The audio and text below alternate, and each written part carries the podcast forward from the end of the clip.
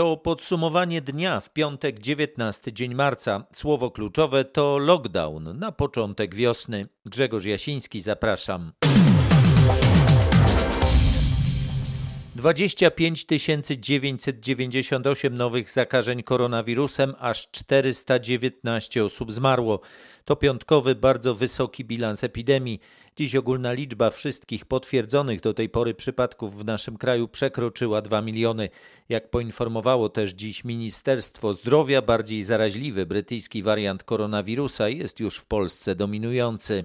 Z danych resortu wynika, że brytyjska mutacja koronawirusa to w tej chwili już 60% wszystkich wykrytych przypadków. Niestety ten odsetek będzie już tylko rósł. Analitycy, którzy sekwencjonują wirusa, nie mają wątpliwości, zmierzamy w kierunku 80% w najbliższym czasie. Informował rzecznik Ministerstwa Zdrowia Wojciech Andrusiewicz. W ostatnich tygodniach do szpitali trafia coraz więcej młodszych pacjentów w wieku 31-40 lat. W piątek najwięcej zakażeń potwierdzono na Mazowszu, Śląsku i w Wielkopolsce. Szybko ubywa wolnych łóżek. Ostatniej doby hospitalizowanych było ponad 700 kolejnych pacjentów. 55 najciężej chorych osób trafiło pod respiratory. Podsumowuje Paweł Balinowski.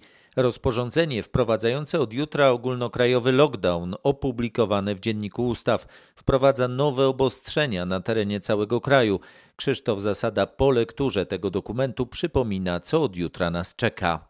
Rząd znów zamyka hotele dla turystów. Z miejsc noclegowych mogą korzystać jedynie osoby wymienione w rozporządzeniu, wypełniające obowiązki służbowe. Po kilku tygodniach zamykane są też stoki narciarskie. Poza tym nie będzie wejścia do obiektów sportowych jak baseny, akwaparki, siłownie, kluby fitness. Nie działają dyskoteki i kluby nocne oraz inne obiekty świadczące usługi rozrywkowe jak kina, teatry, sale koncertowe i muzea. Będą też ograniczenia w handlu. Zamkniętych będzie większość sklepów w galeriach handlowych. Te ograniczenia wprowadzane są na razie na trzy tygodnie do 9 kwietnia. Nie jest jednak wykluczone przedłużenie obowiązywania tego rozporządzenia. Doprecyzujmy, co konkretnie oznacza zamknięcie części sklepów w galeriach handlowych. Przez najbliższe trzy tygodnie w galeriach nie będą mogły działać na przykład sklepy odzieżowe i obuwnicze. Zamknięte też będą sklepy z zabawkami, artykułami sportowymi oraz sprzętem RTV AGD. Wyjątkiem będzie jedynie funkcjonowanie jako punkty odbioru zamówień internetowych. Działać będą mogły natomiast wszelkie supermarkety zlokalizowane w galeriach, sklepy z żywnością, drogerie, apteki, księgarnie i kioski, sklepy zoologiczne, sklepy meblarskie, budowlane. Funkcjonować też będą mogły punkty kosmetyczne, fryzjerskie, optyczne, oddziały bankowe, salony firm telekomunikacyjnych, zakłady krawieckie i pralnie. Działać w galeriach dalej będą mogły także restauracje i kawiarnie, o tym pamiętajmy, ale tylko pod warunkiem, że sprzedają jedzenie na wynos. Jak ustalili dziennikarze RMFFM, rząd rezygnuje przy tym z planów poświątecznego luzowania obostrzeń. Jeszcze nieco ponad tydzień temu sam minister zdrowia sygnalizował, że zaraz po Wielkiej Nocy będzie chciał znosić część ograniczeń. Członkowie rządu mówili na przykład o otwieraniu ogródków restauracyjnych. Teraz, ponieważ liczba zakażeń sięgnęła 27 tysięcy, to staje się niemożliwe. Jak słyszymy w rządzie, perspektywa otwierania na przykład ogródkowej gastronomii przesuwa się na czas bliższy majówce, czyli mówimy o końcówce kwietnia, może początku maja. Sytuacja jest bardzo trudna, bo przypomnę, że pierwotnie rząd chciał otwierać restauracyjne, kawiarniane i barowe ogródki już na początku kwietnia. To dlatego, że szykuje się piękna pogoda, a i program szczepień jest coraz bardziej zaawansowany. Niestety, trzecia fala koronawirusa okazała się boleśniejsza niż zakładał rząd. Jej szczyt dopiero przed nami, no i przy tak wysokiej liczbie zakażeń jakiekolwiek luzowanie jest niestety niemożliwe. Informuje Krzysztof Berenda. Za nami ostatni dzień białego szaleństwa na stokach. Po pięciu tygodniach od ostatniego otwarcia w sobotę w ramach narodowego lockdownu stoki zostają zamknięte. Koszty ponosimy podobne jak w latach poprzednich, natomiast przychody, y, porównując do poprzedniego sezonu, nastąpił spadek o 74%. To bardzo, bardzo, bardzo boli, że nie możemy dalej zjeżdżać. Szkoda, że to tak z dnia na dzień, a przede wszystkim dla moich dzieci. Cztery godzinki pojeździły w tym roku, tak się późno zaczęło. No i zamykamy wszystko. Niestety ostatnie chwile. Przyjechaliśmy z Gdańska, żeby dwa ostatnie dni wykorzystać. Jedyne chyba w tym roku. Przykra sprawa, szczególnie dla ludzi, którzy pracują i żyją z tego. Podkreślają narciarze oraz Jan Walkosz-Jambor ze stacji Polana Szymoszkowa. Ta wiadomość spadła na nas jak grom z jasnego nieba, mówią zakopiańscy hotelarze. Nie mieliśmy szans na przygotowanie się do kolejnego zamknięcia. Teraz musimy zwracać naszym klientom zaliczki za najbliższy weekend, a nawet za święta. Dla małych przedsiębiorców, dla pensjonatów, dla rodzinnych usług noclegowych, które się w 100% zarezerwowały na okres świąteczny, oddawanie zaliczek i brak możliwości pozyskania przychodu z tego okresu to są 2-3 miesiące życia. No faktycznie rezerwacji było już sporo i to też ogromne rozczarowanie i kolejna możliwość funkcjonowania, kolejna możliwość zarabiania jakichkolwiek w ogóle pieniędzy, no poszła w niwecz i de facto nie tylko zima stracona, ale wygląda na to, że także i wiosna. Mówili RMFFM przedstawiciele zakopiańskiej branży turystycznej Karol Wagner i Agata Wojtowicz. Jutro ostatni goście opuszczą zakopiańskie hotele. Hotelarze mieli zaledwie dwa dni, by poprzekładać rezerwacje lub je anulować. To była potężna operacja, przyznaje dyrektor największego obiektu w Zakopanem, Nosalowy Dwór Resort, Wojciech Budzowski. 50% obłożenia u nas to jest prawie 200 pokoi, kilkaset osób e, w hotelu, więc e, skrócenie rezerwacji, zwroty zaliczek e, wpłaconych, korekty faktur już opłaconych i tak dalej, i tak dalej. No, problemów masa. Szkoda, niektórzy przyjechali do, do Zakopanego naprawdę z daleka, tym bardziej, że aura dopisuje. Trzeba było przełożyć no, dwa dni wcześniej, ale, ale udało się. No bardziej zaskoczenie, ale no niestety trzeba było się dopasować, tak, i korzystać z tego, co nam zostało. Dzisiaj ostatni dzień i wyjeżdżamy. Gdy trzeba się z tym wszystkim pożegnać, niestety zakładam, że na dłuższy okres. Z dyrektorem hotelu i ostatnimi gośćmi rozmawiał Maciej Pałachicki. W Karpaczu na Dolnym Śląsku też nie brakowało narciarzy, którzy wykorzystywali ostatnie chwile. Ostatni dzwonek, jutro już zamykają, także jeszcze korzystamy. Patrząc na to, że zima wróciła do Karpacza, żal? No bardzo. Nie sądziłam, że jest aż tyle śniegu. Warunki super, no i niestety siedzimy w domu od jutra. To jest tak naprawdę przykre, zwłaszcza dla młodzieży szkolnej, która nie ma możliwości spędzania czasu z rówieśnikami. Ministerstwo Zdrowia pokrzyżowało plany, no niestety. Szkoda mi też przedsiębiorców, przede wszystkim z Karpacza. Osobiście bardzo chciał pojeździć, no ale koronawirus wygrywa. Referendum nie będzie. Rada Miejska w Karpaczu odrzuciła wniosek grupy mieszkańców o przeprowadzenie głosowania w sprawie przestrzegania obostrzeń sanitarnych. Jak reagują inicjatorzy? Nie tracą nadziei. Wojciech Ryngwelski, pełnomocnik inicjatora referendum, zapowiada skargę na decyzję Rady do sądu administracyjnego. Chodzi nam o to, żeby w sposób rzetelny przedstawić to, jak mieszkańcy odnoszą się do bezprawnych obostrzeń. A dokładniej, czy zgadzają się na ich respektowanie? Tak miało brzmieć pytanie. To, że większość radnych sprzeciwiła się referendum, nie dziwi burmistrza Radosława Jęcka. Podejrzewam, że większość powiedziałaby, że jest za tym, żeby nie było łamania praw, no tylko pytanie, co dalej. Republiki Karpacza nie zrobi się. A pod petycją o przeprowadzenie przeprowadzenie głosowania podpisało się 650 osób. Informował Paweł Pyclik. W związku z rosnącą liczbą zakażeń od poniedziałku od godziny 10 rozpoczyna pracę szpital tymczasowy w łódzkiej hali Expo. Już wtedy trafią do niego pierwsi pacjenci. Przygotowano dla nich 56 łóżek, w tym 12 respiratorowych. W tej chwili w szpitalu tymczasowym znajduje się punkt szczepień, który będzie pracował jeszcze w niedzielę. Po wykonaniu ostatnich szczepień po południu będzie czas do godziny 8 rano, kiedy przeniesiemy tutaj, do tej przychodni Uniwersytetu Łódzkiego, punkt szczepień.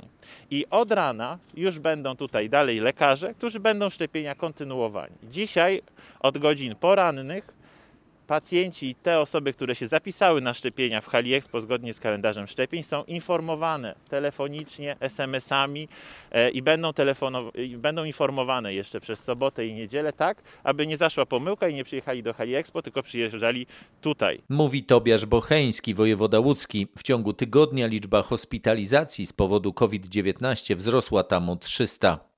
Szkoły podstawowe przygotowują się, by po weekendzie mogły uczyć się w nich dzieci pracowników ochrony zdrowia. Po weekendzie nauka w klasach 1-3 wraca do trybu zdalnego. To dla nas duże wyzwanie, przyznaje Patrycja Matczuk, lekarka i mama trójki dzieci. Przy takiej ilości zakażeń, jaką mamy teraz, nasza obecność w pracy jest y, kluczowa. Dzieci medyków będą się uczyć w świetlicy, zapowiada w rozmowie z Michałem Dobrołowiczem wicedyrektor szkoły podstawowej nr 152 w Warszawie Monika Sobczyńska. Ta opieka jest przewidziana dla uczniów, których rodzice pracują właśnie w służbach medycznych albo e, zajmują się zwalczaniem i zapobieganiem COVID-19. Mają już Państwo pierwsze sygnały od rodziców, którzy będą zainteresowani właśnie taką opieką? Tak, na ten moment jest to trójka dzieci. Dzieci będą siedzieć tutaj w szkole przed laptopami? E, tak, dysponujemy salami, które są wyposażone w e, sprzęt umożliwiający im właśnie udział w lekcjach online pod opieką nauczyciela świetlicy. Nauka zdalna potrwa co najmniej do 9 kwietnia. Maturzyści już niemal rok uczą się w trybie zdalnym. Mimo, że ciężej jest przygotować się w ten sposób do egzaminu, nauczyciele zauważają też plusy takiego nauczania. Jeśli chodzi o y, prowadzenie lekcji, no to jest głównie mówienie i zauważyłam, że naprawdę młodzież po prostu zaczęła bardzo dobrze mówić po angielsku. Natomiast jeżeli chodzi o gramatykę, no pewnie tu będzie mm, troszkę ciężej z tą gramatyką, bo nie robię tylu klasówek i kartkówek, które robiłam w szkole, czyli jest to, lekcje są myślę dla młodzieży dużo przyjemniejsze, bo o, jeśli ja mam 98% y, obecności, czego nie było w szkole, to znaczy, że są lekcje prowadzone w zupełnie inny sposób. Oni się też bardzo dużo uczą, tylko jakby ta gramatyka jest y, odłożona gdzieś tam głębiej. Z nauczycielką angielskiego Elżbietą Siwińską z liceum w mazurskim Węgorzewie rozmawiał nasz reporter Piotr Bułakowski. Przeciwko nierefundowanym testom na polsko-niemieckiej granicy protestują Polacy codziennie jeżdżący do Niemiec w drodze do domu lub do pracy. Land Mecklenburgii ustawił na przejściach w Lubieszynie pod Szczecinem i w Świnoujściu punkty szybkiego testowania dla mieszkańców terenów przygranicznych. Po wcześniejszym umówieniu testy można wykonać tam od 10 euro osoby mieszkające w Mecklenburgii, Pomorzu Przednim, a pracujące w Polsce, no jednak te dochody nie mają aż tak wysokie, żeby móc sobie pozwolić na codzienne wydawanie 10 euro, tak, czy nawet co drugi dzień. Osoby pracujące w Niemczech, a mieszkające w Polsce są w troszkę lepszej sytuacji na dzień dzisiejszy, gdyż do tej pory pracodawcy przejmowali koszta tych testów, które też są niemałe. Jednak na dzień dzisiejszy wielu pracodawców powiedziało, że jeżeli nasi polscy pracownicy będą mieli możliwość przetestowania się tylko za 10 euro na granicy, to oni rezygnują z tego pomysłu, żeby to przejmować, ponieważ ich koszta na dzień dzisiejszy sięgają 30-40 tysięcy euro od momentu wprowadzenia tego obowiązku. Mówi naszej reporterce Bartosz Marosz z inicjatywy Wolne Granice, Freie Grenzen. Trzeba przekładać szczepienia drugą dawką preparatu Moderna. To efekt kolejnych kłopotów z dostawami. Zaplanowana na jutro dostawa Moderny nie dojdzie do skutku. To miało być 210 tysięcy dawek. O tym, kiedy dotrze ta opóźniona partia szczepionki, Mariusz Piekarski. Najprawdopodobniej w poniedziałek opóźnienie nie jest więc bardzo duże, ale i tak potężnie utrudnia plany szczepień. Dość powiedzieć, że kilkanaście tysięcy osób na pewno odbierze telefon z punktów szczepień, że podanie drugiej dawki jest przesunięte. W Centralnym Szpitalu Klinicznym MSWiA w Warszawie jutro 220 osób miało przyjąć drugą dawkę Moderny i muszą kolejny raz poczekać, oby tylko 2-3 dni. Po drugie, przez to opóźnienie dostaw Moderny część seniorów zapisanych na szczepienie na przyszły tydzień dostanie preparat Pfizera. Warszawa Mariusz Piekarski. Kolejne europejskie kraje wznawiają szczepienia preparatem firmy AstraZeneca. Zostały one czasowo wstrzymane w kilkunastu krajach po doniesieniach o przypadkach zakrzepicy po przyjęciu tego preparatu. O tym, jak tę europejską pauzę komentowano na Wyspach, gdzie szczepionkę stworzono, nasz londyński korespondent. Bardzo ostrożnie, bo na Wyspach szczepienia preparatem firmy AstraZeneca przebiegały w tym czasie pełną parą. Otrzymało go dotychczas 11 milionów ludzi, a odnotowano 5 przypadków zakrzepicy. Ktoś nawet obliczył, że prawdopodobieństwo rozwinięcia takiego powikłania jest trzy razy mniejsze niż to, że zginiemy od uderzenia meteorytem. Przez cały czas dyskusji na temat bezpieczeństwa preparatu brytyjscy eksperci powtarzali, że da się to wytłumaczyć statystycznie. Co miesiąc na wyspach diagnozuje się 3000 przypadków zakrzepicy, więc przy szczepieniu tak olbrzymiej liczby ludzi prawdopodobieństwo, że może się pojawić, jest do przewidzenia. Relacjonował Bogdan Frymorgan. Prezydent Joe Biden ogłosił minionej nocy polskiego czasu, że Stany Zjednoczone osiągną dziś 100 milionów szczepień od początku jego prezydentury. Biden obiecywał 100 milionów szczepień w 100 dni swojej prezydentury. Stanie się to szybciej po 58 dniach od zaprzysiężenia i 42 dni przed zakładanym terminem. Biały Dom poinformował też, że USA zamierzają wysłać 2,5 miliona dawek szczepionki firmy AstraZeneca przeciw COVID-19 do Meksyku i 1,5 miliona dawek do Kanady. Będzie to pierwszy przypadek wysyłki szczepionek przez Stany Zjednoczone poza granice kraju. USA w magazynach mają dziesiątki milionów dawek AstraZeneki. Firma nie wystąpiła jednak o zgodę na użycie do amerykańskich organów regulacyjnych. W USA trwają wciąż badania i testy produktu. Szczepionka została natomiast dopuszczona w Kanadzie i Meksyku. Z Waszyngtonu Paweł Żuchowski. O północy kończy się możliwość przesyłania zgłoszeń kandydatów na prezesa Instytutu Pamięci Narodowej. Kadencja Jarosława Szarka, obecnego szefa tej instytucji, zakończy się w lipcu. Ile osób zdecydowało się walczyć o ten urząd? IPN nie chce ujawnić informacji na ten temat. Podkreśla, że o zgłoszeniu będzie decydowała data stempla pocztowego, dlatego dokumenty mogą wpływać jeszcze w przyszłym tygodniu. Na początku kwietnia Kolegium Instytutu ma sprawdzić dokumenty kandydatów, a dopiero pod koniec miesiąca zacznie się jawna część konkursu, czyli wysłuchania publiczne. Dopiero wtedy więcej dowiemy się o tych, którzy chcą walczyć o fotel prezesa IPN. Jednak największym problemem będzie zatwierdzenie tej osoby przez parlament, bo jeśli kandydat zostanie namaszczony przez rządzących, to można spodziewać się, że nie uzyska akceptacji Senatu.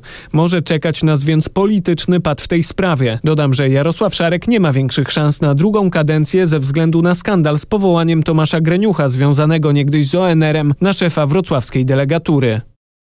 Informował nasz reporter Patryk Michalski. Piotr Ikonowicz już oficjalnie kandydatem lewicy na rzecznika praw obywatelskich. To działacz społeczny zaangażowany w pomoc najbiedniejszym i bezdomnym. Moim największym oczekiwaniem i gorącą nadzieją jest to, że gdybym osiągnął ten cel, żeby miliony ludzi w Polsce krzywdzonych przez system, przez złe przepisy, przez niegodziwych ludzi, żeby oni przestali być niewidzialni. Podkreślał Piotr Ikonowicz, przyjmuje bezdomnych pod swój dach, broni praw eksmitowanych. Tak o zasługach kandydata lewicy mówił Włodzimierz Czarzasty. Nie jestem po to, żeby mówić o tym, że Piotr zna siedem języków, ale powiem o jego najważniejszej kompetencji. Kompetencją Ikonowicza jest dobroć. Termin zgłaszania kandydatów na rzecznika mija dziś. Prawo i Sprawiedliwość poparło własnego posła Bartłomieja Wróblewskiego, a Koalicja Obywatelska i PSL profesora Sławomira Patyrę, konstytucjonalistę z Lublina. Przeprowadzenie przedterminowych wyborów na prezydenta Rzeszowa 9 maja jest coraz mniej prawdopodobne. Rząd ze względu na rozpędzającą się trzecią falę pandemii może przesunąć termin nie tylko tych wyborów, ale również ponad setki innych zaległych lokalnych elekcji. Kiedy poznamy decyzję w tej sprawie? Najprawdopodobniej na początku przyszłego tygodnia, jak ustaliłem, trwają rozmowy między MSWiA a kancelarią premiera w tej sprawie. Rekomendacje będzie musiał wydać główny inspektor sanitarny, choć to przede wszystkim decyzja polityczna ze względu na symboliczne znaczenie wyborów w Rzeszowie. Przypomnę, że wszystkie przedterminowe i uzupełniające wybory od listopada są regularnie przekładane przez rząd. Szereg elekcji, m.in. w Ustce, Bogatyni, Świdnicy czy Wejherowie miało odbyć się 11 kwietnia, ale wszystko na to wskazuje, że i ten termin nie będzie realny. Choć ostateczna decyzja jeszcze nie zapadła, to moi rozmówcy twierdzą, że rząd rozważa odroczenie wyborów nawet do czerwca lub lipca. Informuje Patryk Michalski. 70 postępowań z całego kraju, także umorzonych, połączono do trwającego w Łodzi śledztwa w sprawie grupy przestępczej, która na nielegalnie uzyskane dane osobowe przypadkowych osób wyłudzała kredyty i kupowała na raty drogi sprzęt elektroniczny. Dowiedział się reporter RMFFM. Miesiąc temu łódcy policjanci zatrzymali pięć osób podejrzanych o oszustwa. Ile osób mogli oszukać? Na razie w zarzutach potwierdzonych poszkodowanych jest ponad setka, jednak jak usłyszałem, ostatecznie będzie ich co najmniej kilkaset. Wiele osób, jak mówią prokuratorzy, może jeszcze nie wiedzieć, że ciążą na nich wielotysięczne długi. W mieszkaniach podejrzanych znaleziono mnóstwo nośników z bardzo szczegółowymi danymi osobowymi. Oszuści mieli nawet nazwiska panieńskie matek swych ofiar. Działali bardzo profesjonalnie. Na nazwiska pokrzywdzonych podrabiali dokumenty, kupowali na ich dane karty SIM do telefonów, sprawdzali zdolność kredytową w biurze informacji informacji kredytowej. Już wiadomo, że kredyty brali w 37 firmach pożyczkowych i 9 bankach. Śledczy podejrzewają, że w ten proceder w całym kraju było zaangażowanych o wiele więcej osób. Relacjonował Krzysztof Zasada. 45 tysięcy złotych zadośćuczynienia musi wypłacić Skarb Państwa Pawłowi Olechnowiczowi, byłemu prezesowi Lotosu. Chodzi o bezpodstawne zatrzymanie w styczniu 2019 roku. Nieprawomocny wyrok w tej sprawie wydał właśnie Sąd Okręgowy w Gdańsku, który wielokrotnie podkreślał, że zatrzymanie było niewątpliwie bezzasadne. Pełnomocnik Pawła Olechnowicza, mecenas Janusz Kaczmarek, wnioskował o zasądzenie 100 tysięcy złotych zadośćuczynienia. Czy za kwotę 45 tysięcy, czy za 100 tysięcy można odkupić sobie zszargane imię, zdrowie i jednocześnie to, co się przeżyło? Nie, ani za 45 tysięcy, ani za 100 tysięcy. Zarówno Kaczmarek, jak i prokuratura nie wykluczyły odwołania się od tego wyroku. Śledztwo, w którym Olechnowicz usłyszał m.in. zarzut działania na szkodę spółki Lotos trwa, ale od momentu zatrzymania do dziś, jak mówił Kaczmarek, nie przeprowadzono z jego klientem żadnych czynności. Po blisko 17 latach policjanci z archiwum Mix Komendy Wojewódzkiej Policji w Gdańsku zatrzymali mężczyznę podejrzanego w sprawie zabójstwa na Kaszubach. W 2004 roku w lesie w okolicy Stężycy uduszona została 47-letnia kobieta. Kim jest zatrzymany? To mieszkaniec okolicy, który w tej sprawie był przesłuchiwany jako świadek jeszcze w 2004 roku. Według moich nieoficjalnych informacji to 30-kilkuletni mężczyzna, zarazem osoba, która w chwili zabójstwa była jeszcze niepełnoletnia.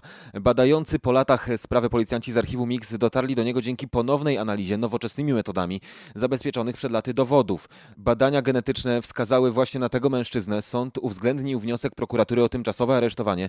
Według moich nieoficjalnych informacji mężczyzna nie przyznał się do winy. Prowadzący sprawę nie zdradzają jaki był motyw zabójstwa 47-letniej matki szóstki dzieci. Relacjonował reporter RMFFM Kuba Kaługa. Jest prokuratorskie śledztwo w sprawie wczorajszego zawalenia się części kamienicy w Rybniku. Śledztwo prowadzone będzie pod kątem spowodowania katastrofy budowlanej, która zagrażała wielu osobom i spowodowała duże straty. Wiadomo już, że przed katastrofą w kamienicy były dwie grupy pracowników. Pierwsza z nich wykonywała tam prace remontowe, a druga wykończeniowe. Trzy osoby z tej pierwszej grupy były nietrzeźwe. Jak usłyszałem w prokuraturze w Rybniku, najprawdopodobniej do katastrofy mogły przyczynić się prowadzone tam prace remontowe. Kluczowa będzie tu opinia biegłego. Na razie teren ten został odgrodzony, a część dwóch pobliskich ulic co najmniej przez kilka najbliższych dni będzie zamknięta. Według inspektora budowlanego część zniszczonej kamienicy będzie można odbudować. Jak informuje Marcin Buczek, pierwszych świadków już przesłuchano. Aż ponad 4000 zdjęć tylko w lutym zrobił kierowcom przekraczającym prędkość fotoradar przy ulicy Spacerowej w Warszawie. To najwyższy wynik w Polsce. Nasz reporter Michał Dobrołowicz rozmawiał z kierowcami i pieszymi, którzy poruszają się w tej okolicy. Co takiego jest w tym miejscu, że tak łatwo można być sfotografowanym przez fotoradar? Prosta droga jest, nie? Można przycisnąć troszeczkę. Zawsze się przyspieszy, nie? No I się wpada. Panu się zdarzyło właśnie tutaj. Nie, nie, z mojej strony nie udało mi się tam złapać fotki. Pani jako osoba piesza czuje się bezpiecznie tutaj, przy tej ulicy? Ja się czuję bezpiecznie, natomiast trzy lata temu mój mąż miał wypadek na rowerze na tej ulicy, na spacerowej na dole. Czyli ktoś jechał po prostu za szybko samochodem? E, Zdecydowanie tak, i nie zauważył rowerzysty. W całej Polsce w poprzednim miesiącu takie urządzenia zrobiły już 190 tysięcy zdjęć. Jedźcie ostrożnie. Wracamy do wczorajszych sportowych emocji i zapowiadamy kolejne. W Kazaniu siatkarze grupy Azoty Zaksy Kędzierzyn-Koźle zaskoczyli wczoraj siatkarskiego giganta Zenit Kazań i są o krok bliżej finału siatkarskiej Ligi Mistrzów. Kędzierzynianie grając w paszczy lwa przegrywali już 0-2, ale odwrócili losy meczu i wygrali w tiebreaku. O tym, co daje Zaksie to zwycięstwo, Patryk Serwański. Komfort w rewanżu, choć przewaga nie jest duża. Zaksa u siebie w najbliższą środę musi znów wygrać, a jeśli przegra 2 do 3, to wszystko rozstrzygnie dodatkowy tak zwany złoty set. Wygrana Zenitu 3-0 lub 3-1 da awans rosyjskiej drużynie. No ale oprócz tej przewagi w wyniku mamy też przewagę mentalną. Gracze Zenita mocno podłamani tą porażką, bo zwycięstwo naprawdę no, mieli na wyciągnięcie ręki. Jeżeli mam wskazać jeden kluczowy element, to byłoby to nasze nastawienie, wiara, że możemy odwrócić losy tego meczu. Zaczęliśmy to robić i potem już poszło. Mówił po wczorajszym meczu trener Zaksy Nikola Grbicz. Finał siatkarskiej Ligi Mistrzów 1 maja we włoskiej Weronie. Piłkarska Liga Mistrzów dopiero na etapie ćwierćfinałów. W tych Robert Lewandowski ponownie zmierzy się z piłkarzami z Paryża. Powtórka zeszłorocznego finału Ligi Mistrzów Bayern kontra PSG to najciekawsza ćwierćfinałowa para tej edycji rozgrywek, ale i w innych parach piłkarskich emocji nie zabraknie. Ponownie Patryk Serwański. Bayern i PSG są ostatnio w dobrej formie, co potwierdziły eliminując z Ligi Mistrzów Lazio i Barcelonę. No ale to nie jest jedyna para, która pobudzi, myślę, wyobraźnię kibiców. Real Madryt kontra Liverpool. Ostatnio obie drużyny co prawda z problemami, ale ten dwumecz na pewno będzie interesujący. FC Porto, które niespodziewanie pokonało w poprzedniej rundzie Juventus, powalczy teraz z Chelsea, natomiast Manchester City zmierzy się z Borussią Dortmund. Pierwsze ćwierćfinałowe pojedynki 6 i 7 kwietnia. Finał pod koniec maja w Stambule. Kaszubska flaga o powierzchni 40 m2 została dziś dokładnie w południe podniesiona na najwyższym maszcie w Gdańsku, na Górze Gradowej. To z okazji obchodzonego dziś Dnia Jedności Kaszubów. Co czuje Kaszuba w takim momencie? Dumę, radość. No jest to piękne wydarzenie. Myślę, dla każdego Kaszuba, Kaszubki w tej symbolicznej, takiej historycznej stolicy Kaszub powiewa największa, na pewno największa e, flaga kaszubska. A dlaczego dzisiaj? 19 marca to jest data symboliczna. W dokumentach e, odnaleziono bullę papieża Grzegorza IX, który w 1238 roku księcia pomorskiego nazwał księciem Kaszub. I to jest jakby pierwszy znany, przynajmniej historycznie, dokument, gdzie pojawia się nazwa pisana Kaszuby. A jak w języku kaszubskim mówi się na flagę? Fana. Kaszubska ma dwie barwy, czarną i złotą, czyli czyrny, złoty fana. Mówili naszemu reporterowi Kubie Kałudze Tadeusz Tites-Meyer i Jacek Słomion z Fundacji Kaszuby organizującej to wydarzenie. Przy kampusie Uniwersytetu Jagiellońskiego na krakowskim Ruczaju stanęła pierwsza w mieście pułapka na dziki. Zwierzęta z pobliskiego lasu często wybierają się na spacery między blokowiska. Miesięcznie to kilkadziesiąt zgłoszeń. Klatka do ich odłowu ma rozwiązać ten problem. Obszerna metalowa konstrukcja może pomieścić 15 dzików, które do środka nęcone są jedzeniem. Gdy wejdą, wejście się zamyka. Nie ma co ukrywać, to jest problem, y, dlatego że tych interwencji dotyczących pojawiających się dzików tutaj jest sporo. Ta odłownia ma służyć do tego, że takie stado, jeżeli do niego wejdzie, zostanie wywiezione jeszcze dalej. My współpracujemy tutaj z miejscowym kołem y, łowieckim. Myśliwi zajmują się transportem, wywiezieniem tych dzików. Mówił Dariusz Nowak z krakowskiego magistratu. To już koniec. Koniec zimy. Od jutra już będzie wiosna. Ta astronomiczna. Wierzba ma już piękne wypustki listków. Magnolia ma już takie pąki wielkie. Chwilę słońca i zacznie naprawdę już kwiaty piękne wypuszczać. Bardzo mnie to cieszy, będzie więcej słońca, e, ludziom humory może się poprawią, nie będą tak nerwowi. Dała nam się we znaki ta zima w tym roku. Ja się w sumie cieszyłam, dzieci miały co robić, było dużo śniegu, można było się pobawić, pojeździć na sankach. Więc e, wydaje mi się, że takie zimy są potrzebne. Jednak, mimo wszystko, mimo tych całych trudności związanych z ilością śniegu. Jaki dzisiaj jest dzień? Dzisiaj piątek. Weekend się zaczyna. A coś się kończy dzisiaj? Zima się kończy. Weekend się zaczyna, kończy się zima. O, dokładnie, tak. To może hasło na ten weekend.